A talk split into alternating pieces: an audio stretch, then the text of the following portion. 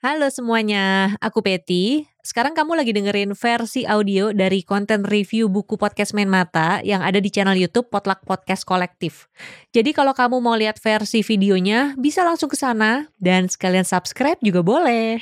Jangan lupa follow juga di Instagram ya, @potluckpodcast. Oke, selamat mendengarkan. Hidup itu kan memang gak ada ya yang sempurna. Hari ini mungkin kita bisa ngerasa seneng banget, tapi besok bisa aja kita nangis darah ya, entah karena apa pun itu. Hari ini kita mungkin di atas angin, besok tahu-tahu jatuh sejatuh-jatuhnya. Dan ya naik turunnya kehidupan itu yang bikin kita memang mau gak mau terpaksa berteman dengan kondisi. Mau sesulit apa pun itu, kita memang dipaksa untuk bisa beradaptasi. Dan kalau sampai nggak bisa nih ya, atau kalau kita nyerah aja, sesuatu yang lebih buruk bisa aja terjadi. Kamu pernah nggak sih mengalami turbulensi kayak gitu dalam hidup? Kalau misalnya iya, mungkin kamu bisa sedikit banyak relate ya sama tokoh-tokoh yang ada di dalam buku Air Susu Ibu karya Nora Xtena. Ini buku yang ditulis oleh penulis asal Latvia. Jadi ini tuh pertama kalinya nih aku baca buku karya penulis Latvia. Ini negara yang lokasinya tuh di Eropa bagian utara. Penulisnya ini Nora Xtena sebenarnya juga udah nerbitin lebih dari 20 buku ya dengan berbagai genre mulai dari novel, ada kumpulan cerpen, biografi dan juga esai. Tapi kayaknya baru air susu ibu ini deh yang diterjemahin ke dalam bahasa Inggris. Uh, judulnya tuh Soviet Milk dan akhirnya diterjemahin ke dalam bahasa Indonesia. Di Indonesia, buku ini diterbitkan oleh penerbit Spring dan diterjemahkan dari bahasa Inggris ke bahasa Indonesia oleh Mbak Windy Aryastanti. Kalau dari yang aku baca di Wikipedia ya, Nora Xtena nih penulis Latvia yang paling dikenal di dunia internasional saat ini. Karena Latvia sendiri tuh memang negara kecil ya. Kalau aku baca tuh populasi penduduknya aja kurang dari seperempatnya New York. Jadi buatku sendiri sih menarik banget bisa membaca tulisan karya penulis dari negara yang sama sekali asing gitu. Nah, Air Susu Ibu ini adalah sebuah novel dan dia tuh bercerita dari dua sudut pandang. Ada seorang ibu dan anaknya yang diceritakan secara berganti-gantian. Dua-duanya pakai sudut pandang orang pertama dan karakter mereka berdua di buku ini tuh tanpa nama. Ibu dan anak ini lahir di Latvia, tapi pada dua masa yang berbeda nih. Jadi si ibu tuh lahir waktu masa peralihan dari Nazi kemudian masuk ke rezimnya Soviet, sementara si anak nih lahir di masa penjajahan Soviet. Dari situlah kita dihadapi nih pada dua cara pandang yang berbeda tentang melihat kehidupan dan pengaruh proses tumbuh kembang waktu kecil ke gimana kita akhirnya tuh memandang tantangan-tantangan hidup. Nanti akan aku ceritain lebih lengkap soal ini di belakang.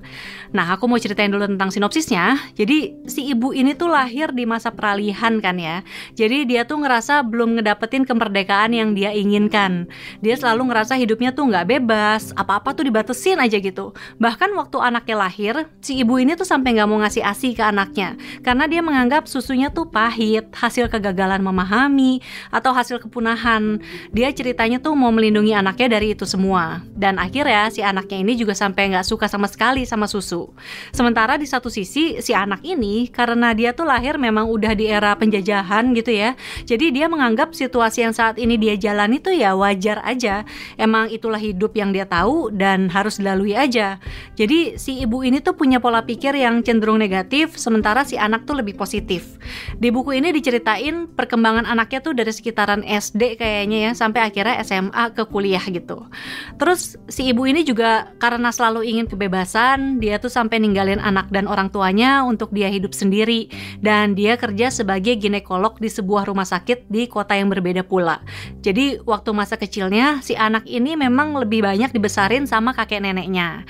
Sampai suatu saat satu peristiwa nih bikin ibunya dikeluarin dari rumah sakit tempat dia bekerja dan dia tuh diasingkan ke pedesaan yang terpencil. Akhirnya setelah dikeluarin dari rumah sakit, si ibu ini sempat kembali dulu nih ke kota tempat orang tua sama anaknya berada. Mereka sempat menghabiskan waktu dan akhirnya dia ngebawa anaknya untuk tinggal bareng di pedesaan yang terpencil itu.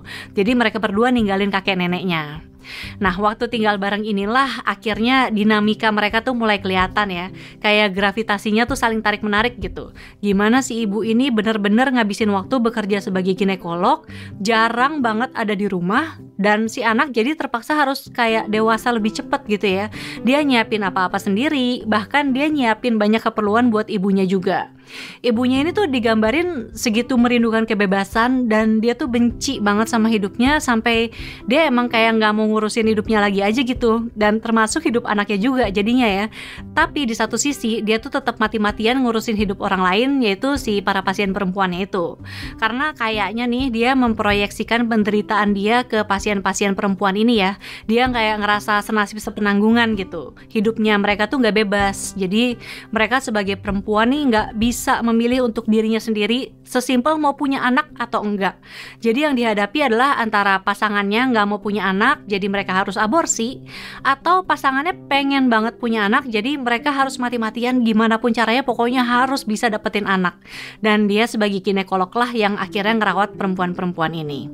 Kan lucu ya sebenarnya di tengah perjuangan si ibu untuk memberikan yang terbaik ke pasien perempuannya, dia lupa gitu kalau dia juga punya hidup yang harus diperjuangkan, termasuk hidup anak perempuannya. Tapi anak perempuannya ini beruntung sih ya karena dia tuh nggak digambarin ikutan jadi depres kayak ibunya.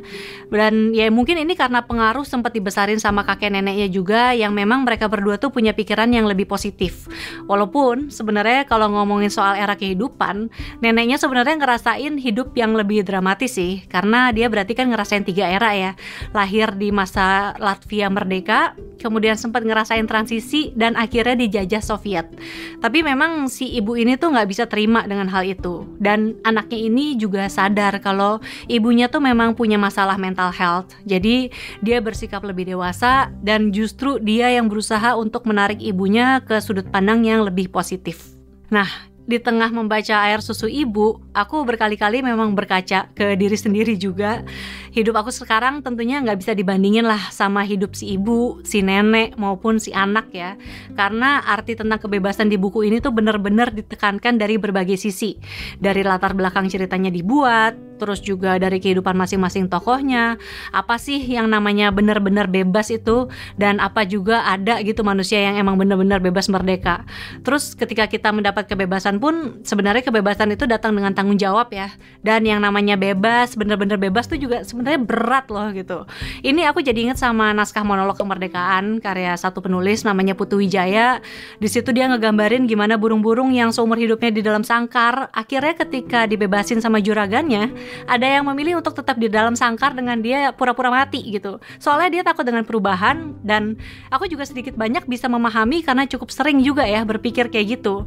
Dan untuk orang yang dijajah tentunya pengen banget bisa bebas, bisa merdeka. Tapi kalau sampai itu nggak terjadi, apakah terus ya kita menyesali nasib dan ya udah gitu menyia-nyiakan hidup? Karena gimana pun juga sudut pandang si ibu inilah yang mematikan sisi-sisi positif yang justru merugikan dirinya sendiri. Padahal mungkin kalau misalnya dia bisa menggeser sedikit sudut pandang, dia akan bisa lihat kalau di tengah hidup penuh penderitaan yang dia jalani, ya masih adalah secercah cahaya gitu ya yang bikin hatinya merasa hangat. Dan di buku ini si tokoh anak ini benar-benar jadi api yang bikin anget itu sih. Kalau kamu tertarik sama buku Air Susu Ibu, tadi aku udah info buku ini diterbitkan sama penerbit Spring, jadi kamu bisa cek di Instagramnya @penerbitspring. Ntar linknya juga akan aku taruh di deskripsi video ini.